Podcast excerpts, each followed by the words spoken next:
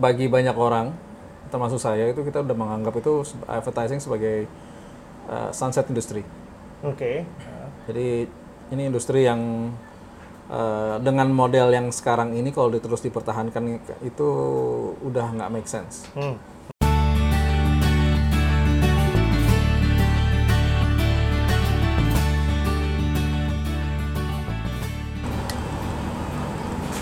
Oke, jumpa lagi dengan saya Bang Win, tentunya di podcast yang namanya ya Bang Win Podcast namanya. Sekarang eh, gue mendapatkan kesempatan untuk ngobrol dengan teman lama gue, Mas Chandra Marsono. Hai, Halo Mas. hai. Ini sebetulnya biasanya sih gua memperkenalkan diri, cuman kayaknya enakan Mas Chandra aja langsung memperkenalkan diri sendiri nih Mas. Gimana Mas? Silahkan. Hai, nama saya Chandra Marsono. Uh, saya lama di digital advertising. Ya, zaman digital itu masih CD-ROM website sampai sekarang ini. Udah kurang lebih 18 tahun. Sekarang pensiunan advertising, Pensiun. bermain di media video dan juga di pendidikan. Oke. Uh, ya media juga kurang lebih masih sedikit advertising sih, cuman saya nggak terlalu eh, se-involved dulu waktu di advertising. Oh, du- dulu oh, oke. Nah, itu udah perkenalannya udah cukup singkat tapi padat ya Mas ya. Dan kayaknya nih gue sih sebetulnya ada beberapa pertanyaan yang mungkin eh, mendasari keinginan gue untuk ngobrol sore ini. eh ceritanya gimana sih kok dari kan yang sekarang dikerjakan itu kan lebih banyak konten ya Mas ya. Ya, Nah, kemudian dulu masuk ke advertising, dulu digital advertising. Nah, itu ceritanya gimana pindah? Bisa Jadi pindah gitu. eh, bagi banyak orang, termasuk saya itu kita udah menganggap itu advertising sebagai eh, sunset industry. Oke. Jadi ini industri yang eh, dengan model yang sekarang ini kalau terus dipertahankan itu udah nggak make sense. Hmm. hmm. Eh, tentunya kalau di Indonesia itu resistensinya masih kuat ya. Hmm, Cuman kalau kita udah ngelihat uh, di luar negeri dan nggak perlu jauh-jauh lah ke, negara-negara seperti Vietnam dan lain-lain itu uh, yang namanya traditional advertising itu sudah uh, sudah sangat tergerus. Hmm. hmm. Di sini aja untuk advertising advertising besar saja kita sudah melihat uh, fee advertising fee apa namanya agency fee yang Iya. sudah nggak masuk akal yang sudah di mana agency fee itu udah 0,0 Dulu. berapa persen gitu. Iya, yang iya, dulu awalnya agency fee itu masih sekitar ah, ya dulu dulu banget 25 persen, Hmm, turun ke 10 persen, 5 persen. Sekarang itu udah 0,0 x. Bahkan gitu ya. Bahkan eh, di luar negeri itu eh, kalau nggak salah terakhir saya baca tuh McDonald's Hmm. itu dia menunjuk sebuah agensi yang di mana agensinya itu hanya dibayar dari eh, dividen. Jadi yang lain mereka bayar services eh, apa namanya produksinya, tapi profit dari advertising company itu terjadi jika hasil dari iklan tersebut menghasilkan uang. Jadi convert to gitu. sales. Bo- Jadi kalau kalau sukses baru dibayar gitu. Yes, Oh, begitu ya. ya. Oh my god. Itu itu McDonald. Itu McDonald's. Oke. Nah, itu bisa mencerminkan bahwa apakah kondisi kondisi advertising itu akan mengarah ke sana atau gimana? Eh, jadi ini ada kemungkinan di sebuah sunset industri yang nanti mungkin ke depannya akan bangkit lagi. Hmm. Tapi saat ini sih kita melihat, saya terutama ya, saya melihat itu seperti eh, mungkin tahun 70-an lah. gitu. Hmm. Hmm. Ya tahun 70-an saya masih baru lahir. Cuman eh, kalau dari dulu bapak saya juga di advertising tahun 70-an dan Iya, iya. dulu bapak saya itu di advertising itu bukan di advertisingnya sebuah advertising kayak sekarang. Dulu bapak saya kerja di Unilever. Oh, oke, oke. Di Unilever itu di divisi advertisingnya. Oh, jadi kayak in-house advertising Iya, gitu ya. itu yang nantinya kalau nggak salah pecah dia jadi apa? Jadi Matahari atau apa saya lupa ya. Hmm. Eh, jadi sekarang itu dengan digital itu semakin accessible to everyone Ya. dan brand mau lebih punya kontrol akan digital. Hmm. Hmm. Eh, jadi eh, hal tersebut di take in house. Jadi Oke. Kurang lebih 2014, 2015 itu banyak brand sadar gue punya marketing people itu kebanyakan. Mm-mm. Gitu. Gue punya marketing people banyak, gitu bukan kebanyakan sih. Ya banyak. Tapi Hmm. kenapa most of the strategies, most of the design thinking, the creative thinking itu kenapa di semuanya diserahkan di sub kepada agency? What? Jadi mereka me- berkata ya, what am I paying these people for? Jadi mereka baru sadar itu. Baru sadar atau gimana? Uh, aku rasa enggak. Uh, Karena tergantung ya itu itu mungkin karena to- apa ya sudah kultur ya. Iya, iya kan itu Iya. kan kita udah tahu. Maksudnya kalau kita ini selalu selalu uh, selalu oh ya udah itu agency yang mikirin. Kayak gitu kan biasanya. Kemudian Nah itu kan itu kan that doesn't always happen. Hmm, oke. gitu. Eh, waktu gue masih eh, let's say awal-awal gue kerja itu ya masih tahun 2000-an itu Iya. nggak kayak begitu. Biasanya gue dapat brief itu benar-benar clear dari brand. Oh. Jadi dari mereka tuh udah bikin strateginya. Ya, ya. Forward itu lama-lama advertising sudah memiliki strategi sendiri, Hmm, hmm. gitu kan? Mereka punya tim sendiri yang lama-lama itu di take over oleh eh, advertising. Ya. Nah, Oh, jadi it's it's a slow change ya. Yang kalau mungkin waktu lama-lama ke sini gue mikir ini berguna juga di advertising, tapi have more control Oh. of strategi dan macam-macam. Cuman ya kalau kita berdiri dari posisi dari sisi brand ya, lo juga pasti mikir kan, lo gue punya orang marketing ngapain? Iya, betul. iya, benar sih. Dan um, Ya, and, and, and it's changing. I mean, uh, big big companies uh, semua mulai taking things in house, hmm, terutama strategi. Jadi kebanyakan itu uh, mereka lebih hire advertising company sebagai creative companies. Jadi kayak tahun 70-an lagi. iya, iya, iya, betul. Jadi advertising companies ditreat sebagai creative agencies, eksekutor jadinya. eksekutor Ah, gitu. Jadi strategi semua mau rencananya apa itu itu lagi ditarik semua in house. ah, Nah, what happens is ini banyak advertising yang sudah invest heavily in Iya. strategy. Ya, ini, ini itu juga akhirnya eh, m- jadi mereka punya overabundance of uh, of talents yang hmm, hmm. Jadi banyak scale down. Ba- bahkan banyak yang eh, apa namanya tutup. karena karena kejadian Iya. tersebut. Banyak Oke. juga eh, banyak advertising kecil-kecil eh, naik Hmm, hmm. gitu. Karena memang lebih spesifik ke kreatifnya brand ini butuhnya gue butuh ini aja. Ya, ya, ya, ya. Bahkan saya saya terakhir saya masih di advertising Ya. itu dengan adanya digital dan brand sudah ngomong saya butuhnya ini aja itu namanya dari marketingnya accountsnya agency masih maksain. Strateginya sama kita pak. Ini jadi lama-lama kan brand Ya. juga yang enggak I just need this. If you can provide me with this then Ya I'll udah. go I'll go look for somewhere jadi itu rise-nya kayak apa namanya em, apa itu agensinya Fairly itu? Eh, Bujuk Rayu. Hmm, hmm, hmm. yang cuman benar-benar fokus kepada kreatif bikin TVC gitu Hmm. Dan akhirnya mereka eh, sekarang dibeli kan sama agensi besar Ya, ya, betul. Gitu. betul. jadi ba- bahkan banyak agensi-agensi besar yang sudah kehilangan eh, clients itu beli agensi-agensi kecil Oke. gue nggak nyebutin agensinya apa Iya, ya ha. Eh, mungkin banyak orang udah tahu jadi agensi-agensi yang bisa dibilang agensi-agensi lokal yang punya klien lokal Hmm, hmm. itu diembat sama agensi-agensi multinasional dibeli karena apa mereka have a client base Hmm. gitu mereka masih punya trust gitu tapi memang ya walaupun agensi besar masih tetap kekeh kita bisa provide strategi and everything Hmm, hmm. which is it's not a bad thing tapi masalahnya adalah brand saat ini juga lagi mereka lagi aware dan mereka juga pengen uh, punya more charge apalagi pimpinan mereka maunya ini marketing harus punya more charge dan karena nobody understand the brand Iya, betul. than the one that the, the people that's working inside the brand Betul, betul. Jadi itulah kenapa saat ini menurut gue lagi sunset industri. Kita nggak tahu ke depannya mungkin akan berubah. Mungkin akan balik lagi ke tahun 90-an, 80-an atau tahun 2000-an. Hmm. Tapi eh, saat ini sedang ada perubahan seperti itu. Jadi ada mengada resistensi. Hmm.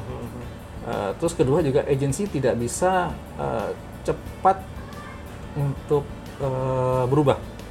Oke. Jadi Seperti apa tuh contohnya? Ya banyak agensi masih tetap Kekeh, kekeh gitu. jualan divisi, gitu kan? Iya, iya, iya, iya. saya pernah kehilangan satu klien, sebuah klien dari Jepang yang dengan di depan udah ngomong saya mau uh, ini digital, Hmm. campaign digital. Hmm. Tetap aja agensinya masih uh, account saya masih jualan TVC, masih tetap push radio, which is not a bad thing. Tapi Iya, betul. Iya, the client already has a specific demands. Uh, saya kemarin itu lihat, oh uh, ada teman saya Buyung, Hmm. uh, anak Iris, dia kemarin posting agents apa brand wants apa gitu kan, terus agency delivernya apa, jadi ini semuanya dijualin semua. Terus Oke. what's get paid tetap apa yang di Minta. diminta. Jadi listnya dan itu eh, tiap tahun dan apa dari tahun berapa tahun berapa terus yang terakhir 2018 itu list yang dijual semakin besar Oke. gitu kan sampai gift animation semua dijual itu tetap aja yang dibeli tuh ini aja cuma tiga hal. gitu. Jadi eh, kadang-kadang memang in that struggle to ya, try to uh, sell the inventory itu kadang-kadang ya lose touch with what the consumers want. Jadi ya the consumers being the client, the brand itu ya kemarin saya merasa banyak yang uh, off losing touch lah Iya, iya, iya. dan ke depannya juga uh, advertising media tuh larinya ke mana? Oke. Saya saya udah udah takut soalnya saya TV, TV sendiri apa namanya terrestrial license-nya Nah, Indonesia tinggal tinggal berapa tahun lagi sih? Gitu. iya kalau TV ya. Iya, Which is sekarang mereka lagi jual eh, apa namanya mereka punya konten itu seheboh-hebohnya karena kayak mereka ada time limitnya untuk jualan aja gitu. Hmm, hmm. Sampai teman-teman saya yang pada si pada di radio tuh ngomong eh, gila mereka jualan eh, mereka jualan apa built in sama kayak gue jualan ad, apa adlib harganya gitu. Bandel dia. Which is ya jadi sekarang ini untuk di advertising TV masih jadi primadona karena mereka sedang jualnya cheap Iya. with higher apa yang mereka tawarkan besar. Hmm. Tapi yang aku masih suka lihat tuh brand masih nggak melihat effectiveness. Terus sekarang itu seperti apa? Oke. Jadi siapa sih yang nonton? Hmm, hmm. Ya, formulasi-formulasi itu yang masih ya apa ya? Eh, sekarang inilah kita lagi di YouTube ada yang keren nih. Ini orang viral gitu. Hmm, hmm, hmm. gitu. Eh, orang viral biasanya TV akan nyaplok dia Hmm, didatangkan sebagai pengisi acara. hmm, hmm, hmm. gitu. Jadi orang ini di treat as a talent, Ya. is not treated as a brain. Hmm, hmm. Misalnya nih orang bisa viral di luar, harusnya lo invite dia, pick his or her brain untuk gimana program TV lo tuh supaya lebih menarik. Iya. Jadi mereka hanya mendatangkan guest star yang heboh, tapi formatnya mereka gunakan tetap sama. tetap sama. Jadi dia cuma mau ngambil uh, perso personanya ya diambil, bukan idenya justru Iya, mereka mikir dengan gue datengin persona gini-gini, oh yang nonton akan naik gitu. iya akan naik, tapi itu semuanya istilahnya short term. Iya. Setelah orang itu nggak ada turun. Ya kayak kemarin, Balik lagi ke kayak kemarin itu siapa sih yang kemarin tik bowo TikTok gitu Iya. kan? Mereka datengin bowo TikTok di acara-acara ada dia gitu. Hmm. They, they don't bother to to uh, study what made him a hit Iya betul. And how can I replicate what he's doing to Hmm. my shows. Itu yang mereka nggak nggak nggak coba untuk Hmm. uh, gali gitu. Yang mereka mikir adalah cuman bowo datengin kayak di acara ini. Iya iya gitu. iya. Terus diiklanin akan ada bowo ya gitu. Iya. So Iya, artinya pada dasarnya uh, banyak brand yang masih belum belum aware terhadap atau belum belajar terhadap uh, bagaimana mengadopsi sebuah ide dengan baik untuk brandnya mereka kan sebetulnya begitu ya. hmm. Nah, Oke, ya, ya itulah w- w- some of the reasons why uh, I think I should move to change apa make the change gitu. Hmm, hmm, hmm. Karena bagi saya eh, waktu itu ya advertising ini bukan mentok ya, tapi eh, reluctant dari ownersnya untuk eh, berkembang.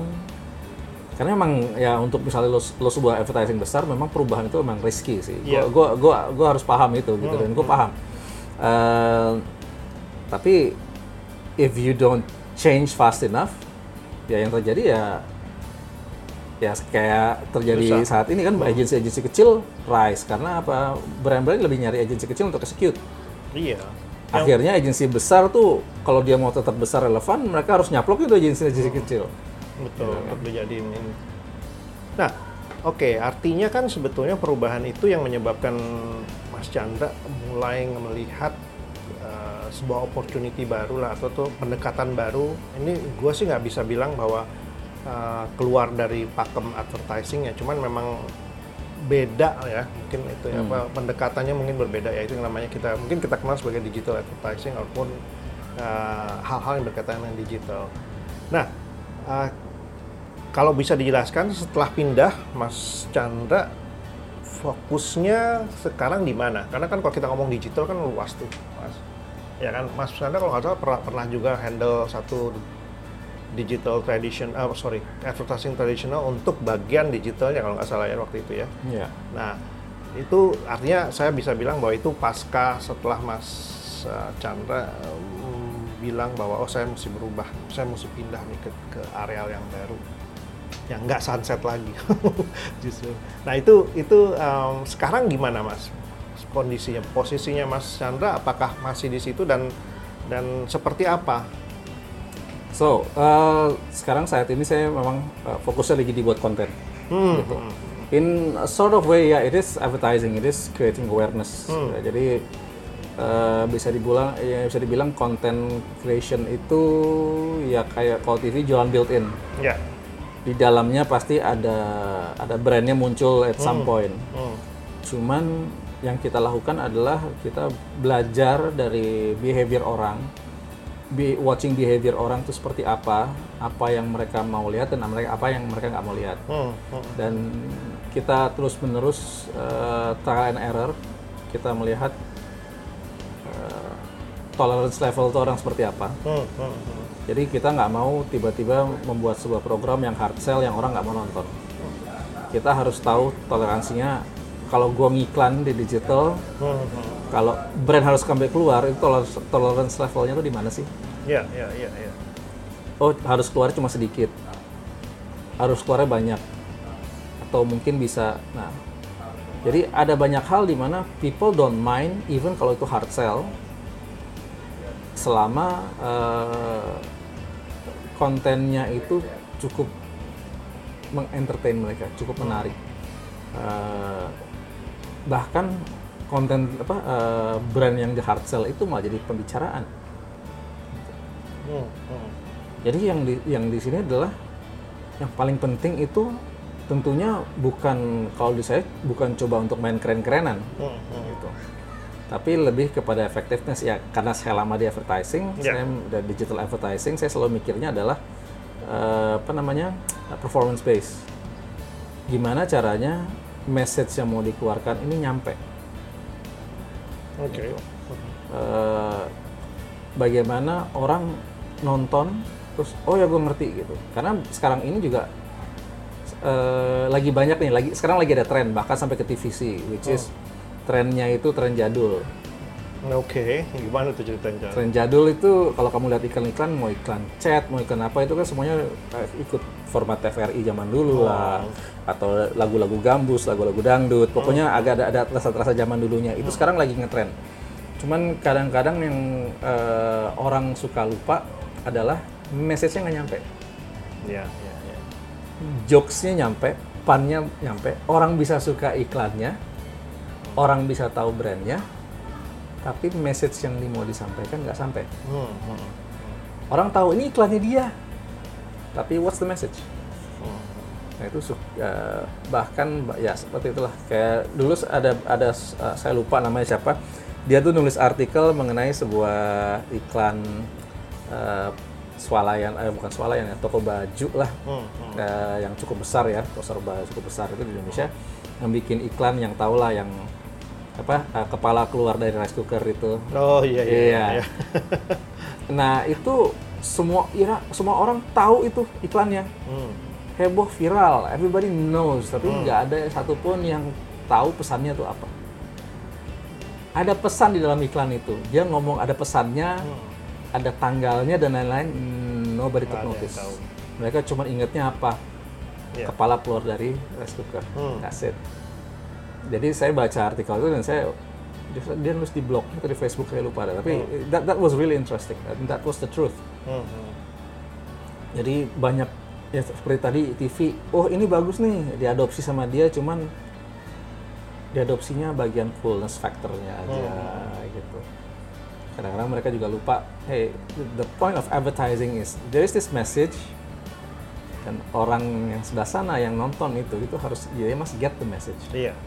Kecuali campaign lo awareness ya udah Ya, gitu kan. Betul, betul. Dari, dari brand bilang eh campaign cuma awareness doang kok ya udah. Ya, There is no message, pokoknya orang tahu, oh ini brand ini gitu ya, oke. Tapi if there is a message, then your target ya is for people to understand that message. Iya iya iya. Nah itu ini menarik sekali soalnya karena karena memang banyak tuh yang uh, ya meng- tadi Mas Chandra cerita tentang itu jadi saya juga ingat beberapa iklan juga kadang-kadang memang uh, saya nyebutnya overkill atau self kill ya. jadi sebuah sebuah iklan yang kita ingat justru adegan lucunya tapi kita lupa bahwa sebenarnya itu iklan tujuannya untuk apa. Bukan lupa nggak nggak nggak dapet aja. Saya kan melihat dari po- posisi sebagai penontonnya.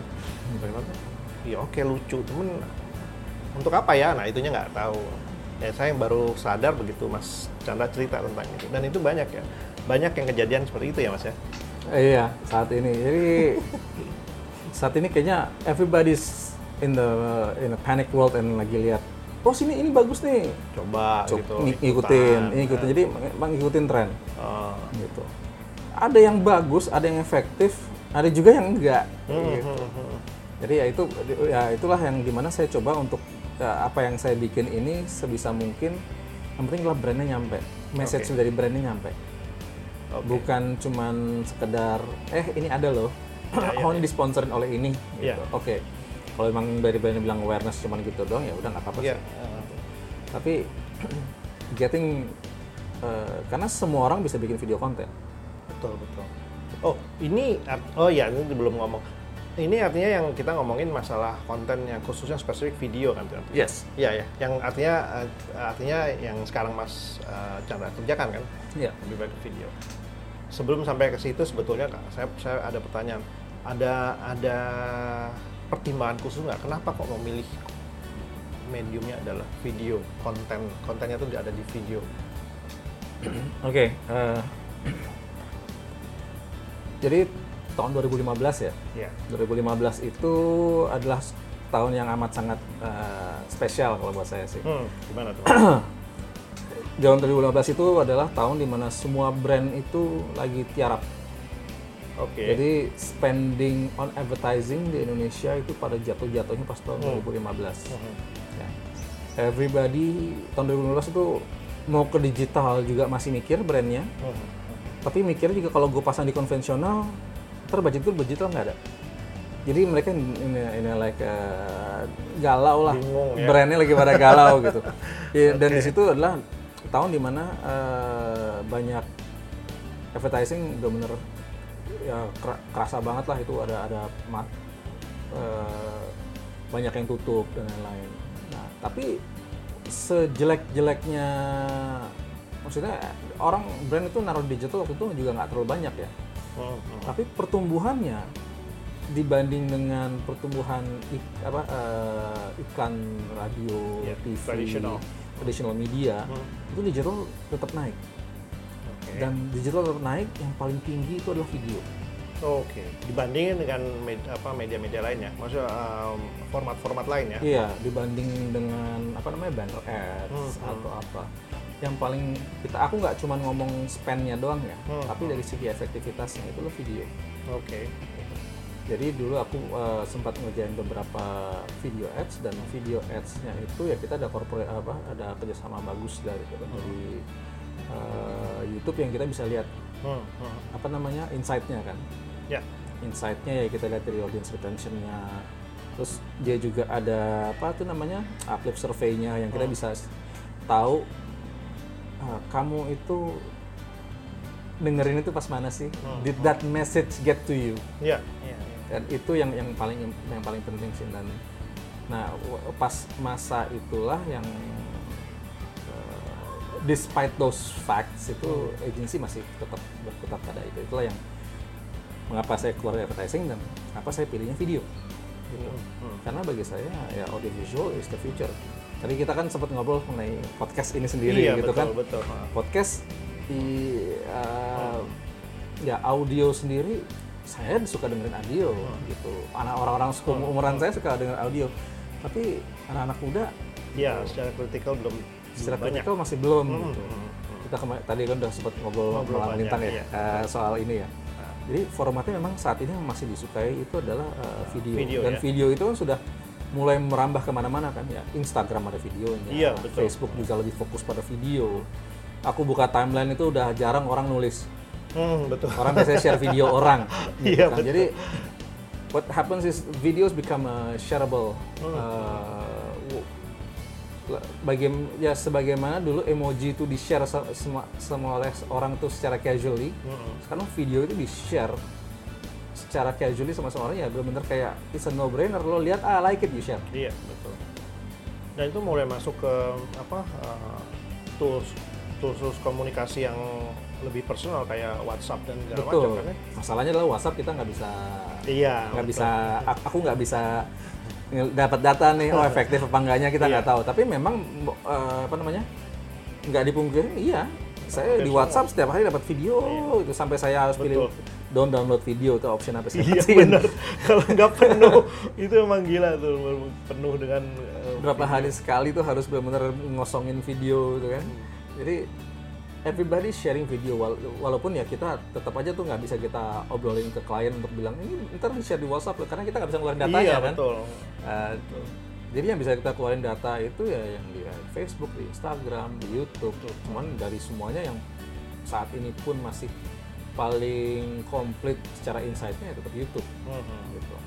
Ya mungkin karena memang YouTube didesain dari awal memang untuk video ya. Iya. Jadi memang insight-nya juga paling lengkap. Ya Facebook lumayan sih, cuman uh, masih it's quite hard to convince uh, apa namanya uh, clients that videonya itu bisa dibilang is watch Iya. hitungannya adalah mulai dari antara 3 detik, 10 detik. Hmm. Tapi ada di di di Facebook uh, insight yang bisa menunjukkan hal-hal tersebut pengukuran Terakhir saya lihat sih saya masih belum ada retention rate-nya sih belum ada ya. Ya, nggak tahu ya. eh, terakhir ngecek sebulan lalu lah saya. Hmm, oh, Oke. Setahu saya sih belum ada retention rate. Nggak tahu kalau sekarang tiba-tiba mereka ada dan Hmm. saya sih mengharapkan ada.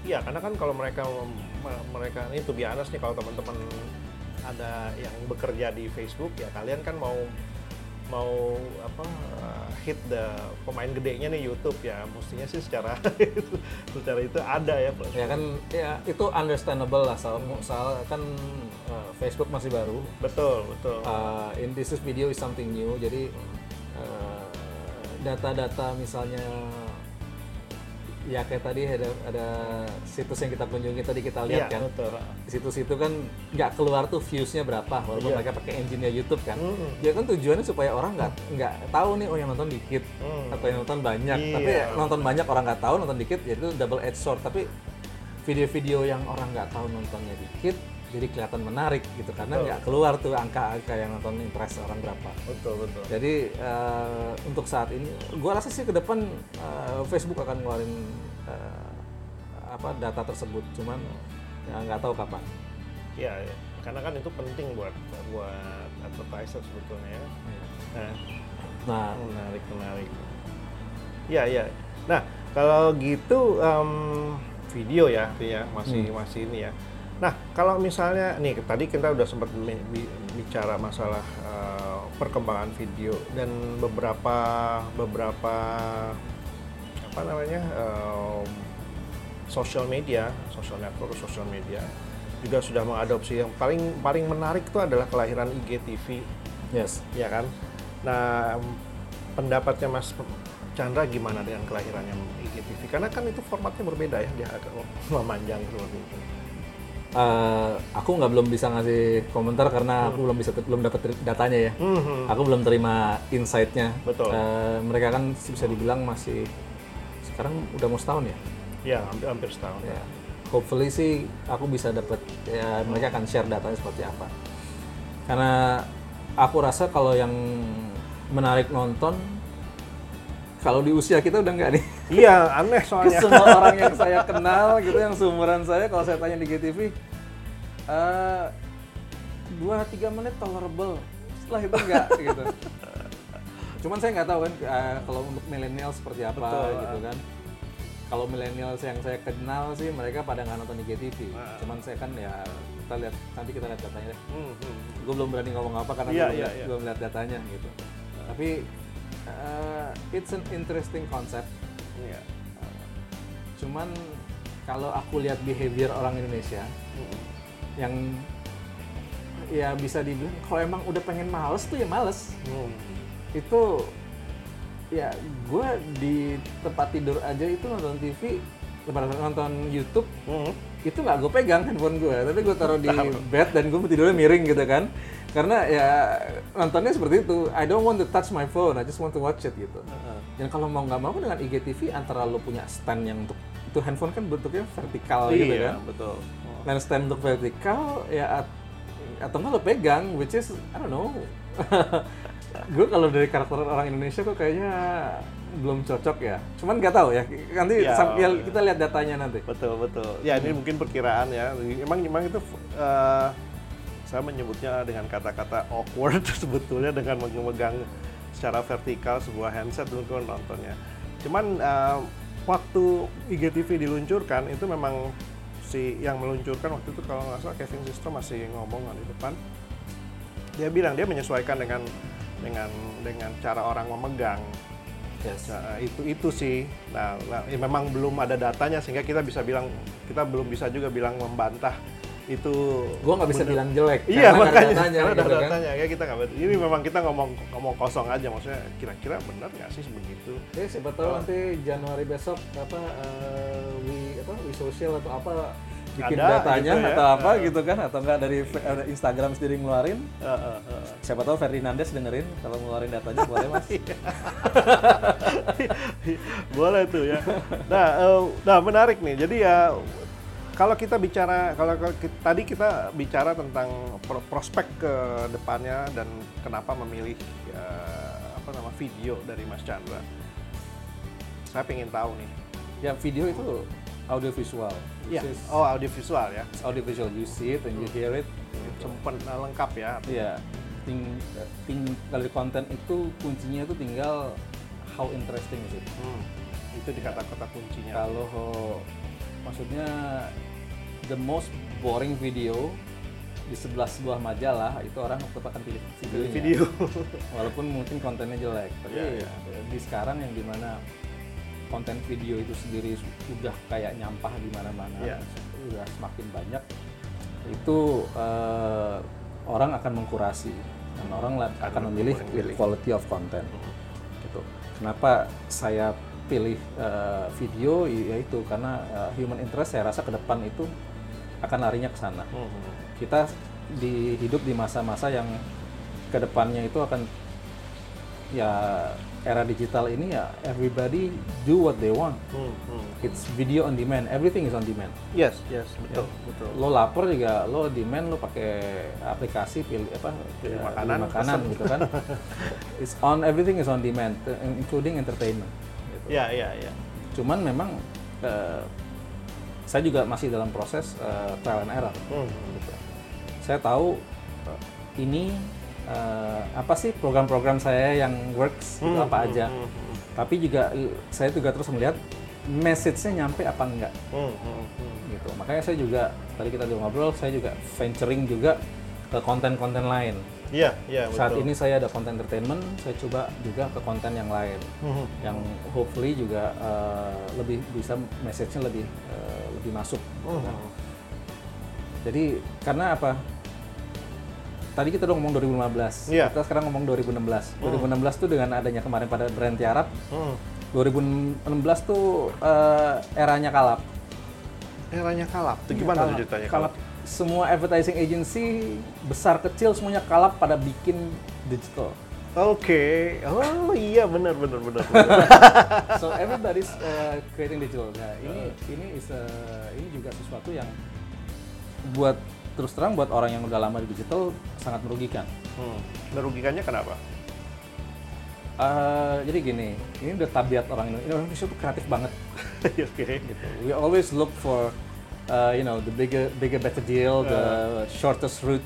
Gimana nih cara gampangnya biar dapat ini uh, ini ada KPI, gimana caranya biar pasti dapat gitu. Uh, b- uh, banyak yang nggak appreciate uh, yang namanya jatuh bangun tuh nggak appreciate Hmm. gitu. Buat gue tuh yang namanya kalah itu is a lesson. Dan, tapi banyak yang uh, masih mikirnya kan pokoknya ini KPI harus kecapai. Dan Hmm. yang terjadi adalah uh, some agencies yang membuat digital tapi memiliki orang-orang yang tidak pengalaman. Oke. Ya, mungkin pengalaman dalam misalnya dalam membuat konten atau dalam membuat ini, membuat ini ini, tapi nggak Iya. pengalaman dalam misalnya untuk ngurus KPI Hmm. atau macam-macam. Itu menggunakan hal uh, cara-cara yang merugikan uh, orang-orang seperti saya, which is ya Hmm. kayak contohnya buy, buy, apa buying views, Hmm, hmm, buying clicks, hmm. uh, buyingnya itu bukan ads ya. Ads itu kan masih legal ya. Iya betul. Tapi buying views itu beli dari Rumania. Oh, bentar, bentar. Itu gimana tuh ceritanya? Buying views. Kalau misalnya zaman dulu, zaman dulu, zaman Twitter masih tinggi, itu kan ada yang namanya buying follower misalnya kan. Sama, Oh sama. sama. Jadi ya Itu gimana Lo bisa ceritanya, cari buka aja Kaskus Ha-ha. ya sekarang atau apa lo buka eh, banyak website tuh nggak lo cari aja di forum-forum gitu. Ha-ha. Mau beli Ada views, mau beli followers Instagram, Oh, mau apa itu oke. semua ada. Oh gitu. Dan Jadi dari kan- juga jadi dari bahan. kantor kita ya, kantor saya ini di Pasar Minggu ini nggak jauh dari sini Hmm.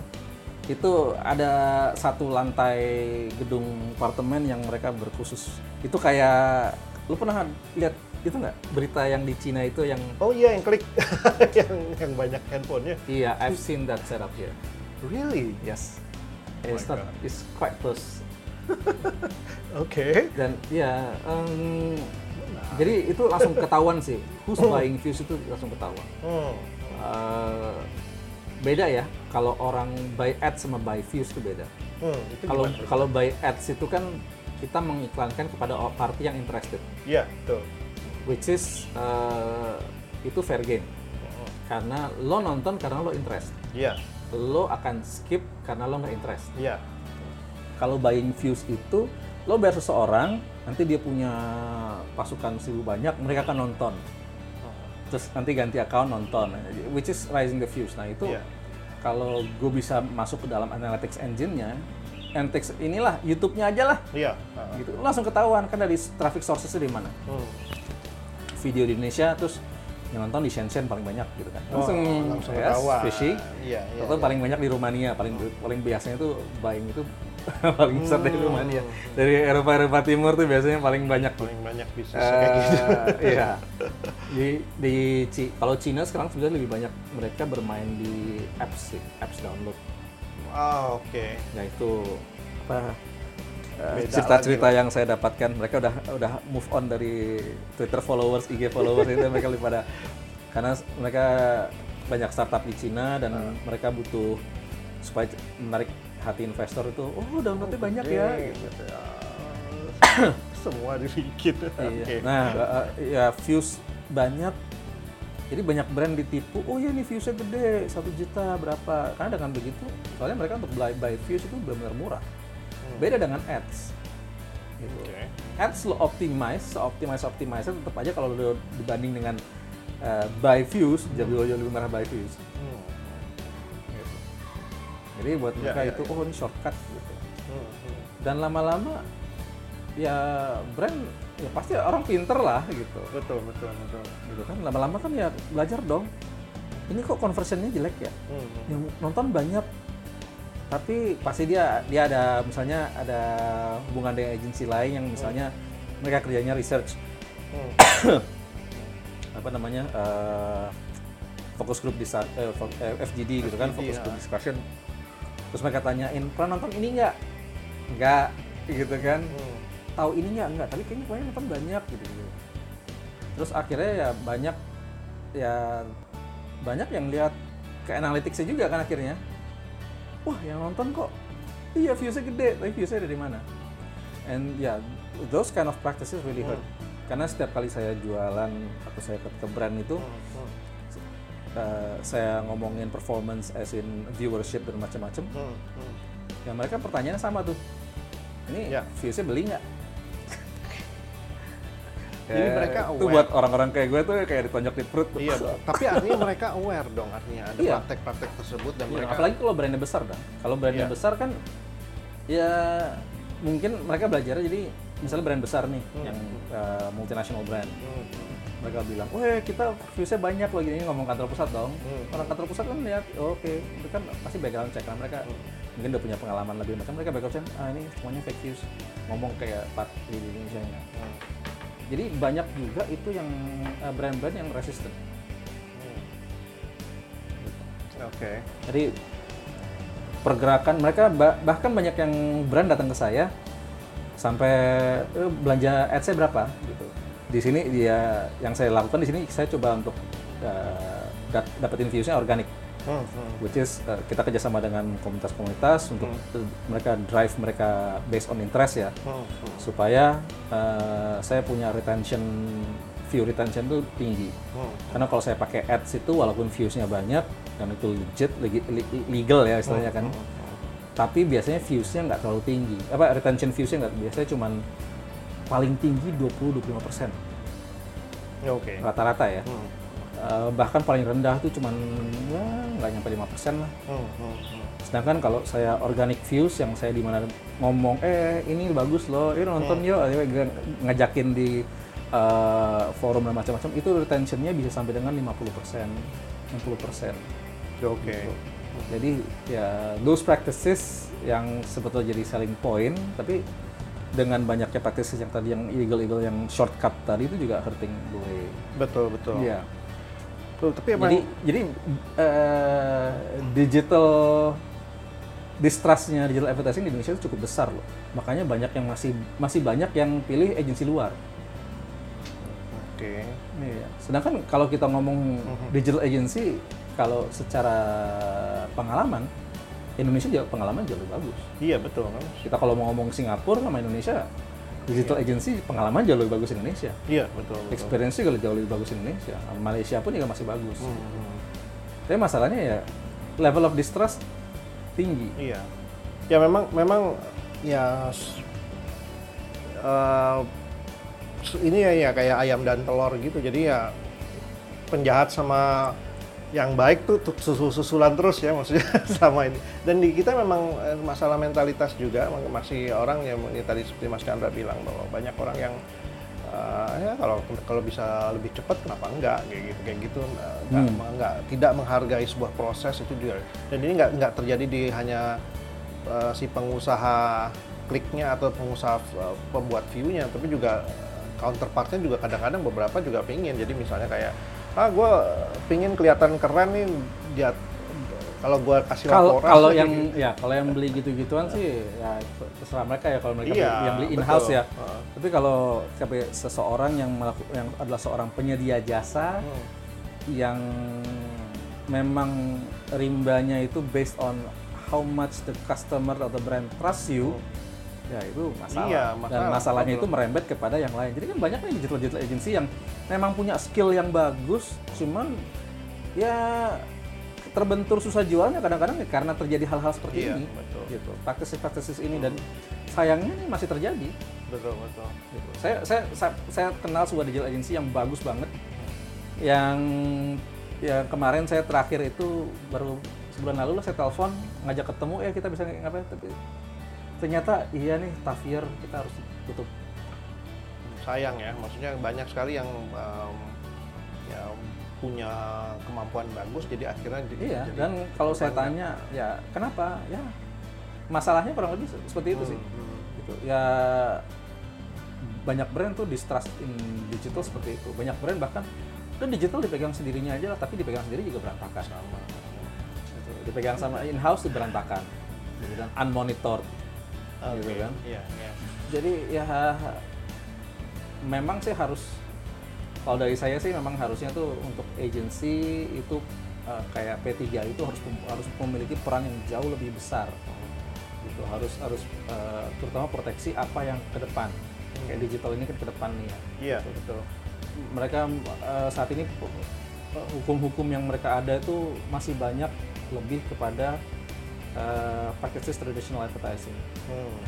Advertising digital itu kita belum ada standarisasi loh.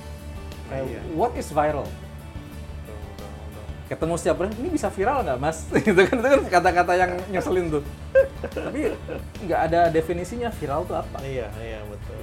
harusnya ada dari itu viral tuh apa sih untuk di Indonesia 100 ribu, 200 ribu tuh mungkin bisa dianggap viral, 300 ribu, 400 ribu bisa dianggap viral gitu atau mungkin harus satu juta untuk viral those kind of things itu yang eh, tidak ada bakunya, tidak ada standarnya Iya, iya.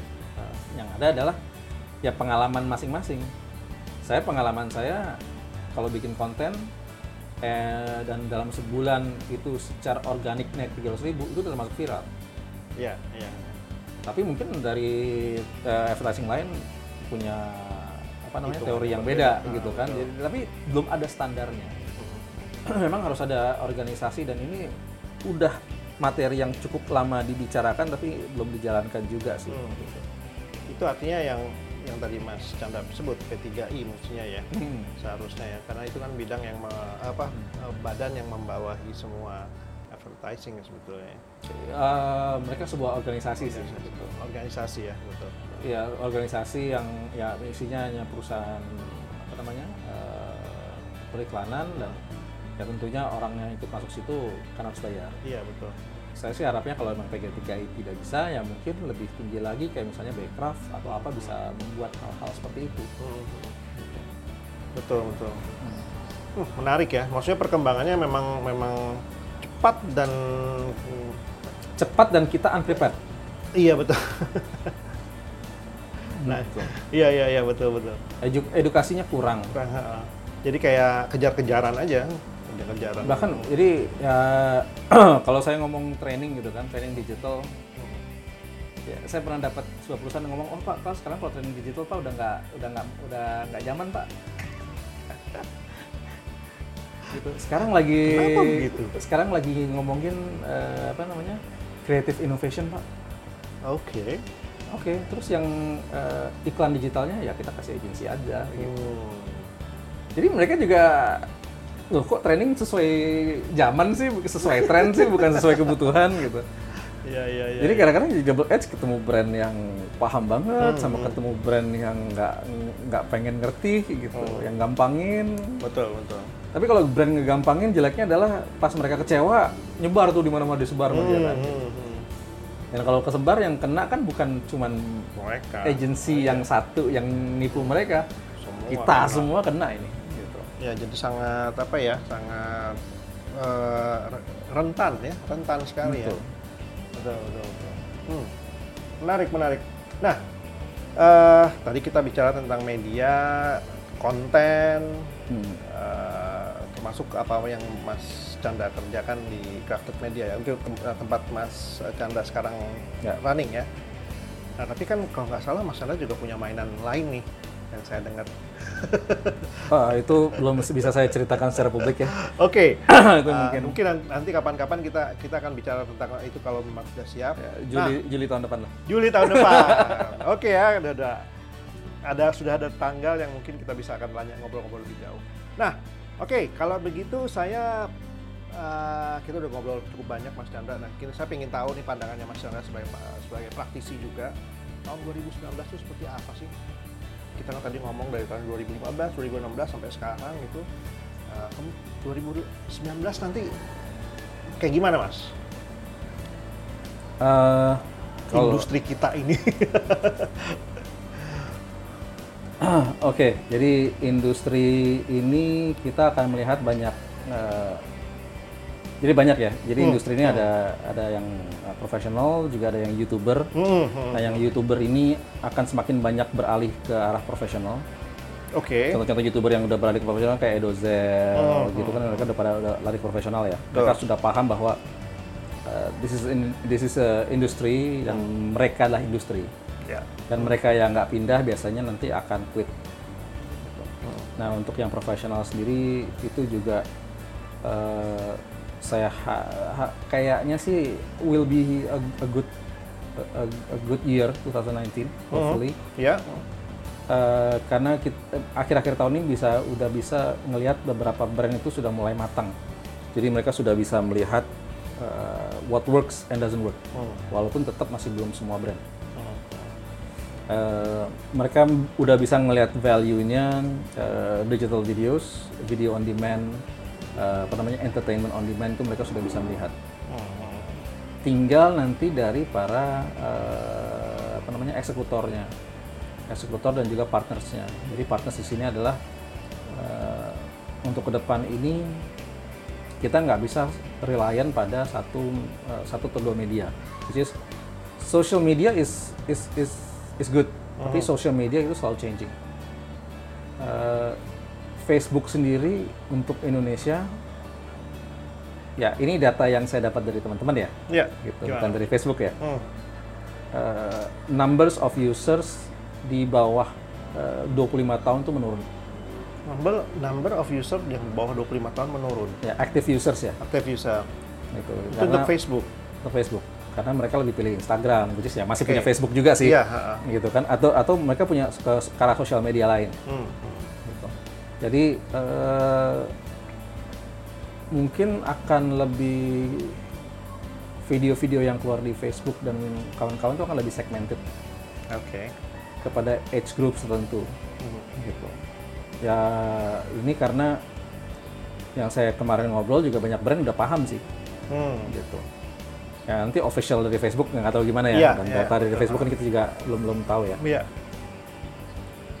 Terus YouTube sendiri masih eh, menjadi dominan platform. Mhm.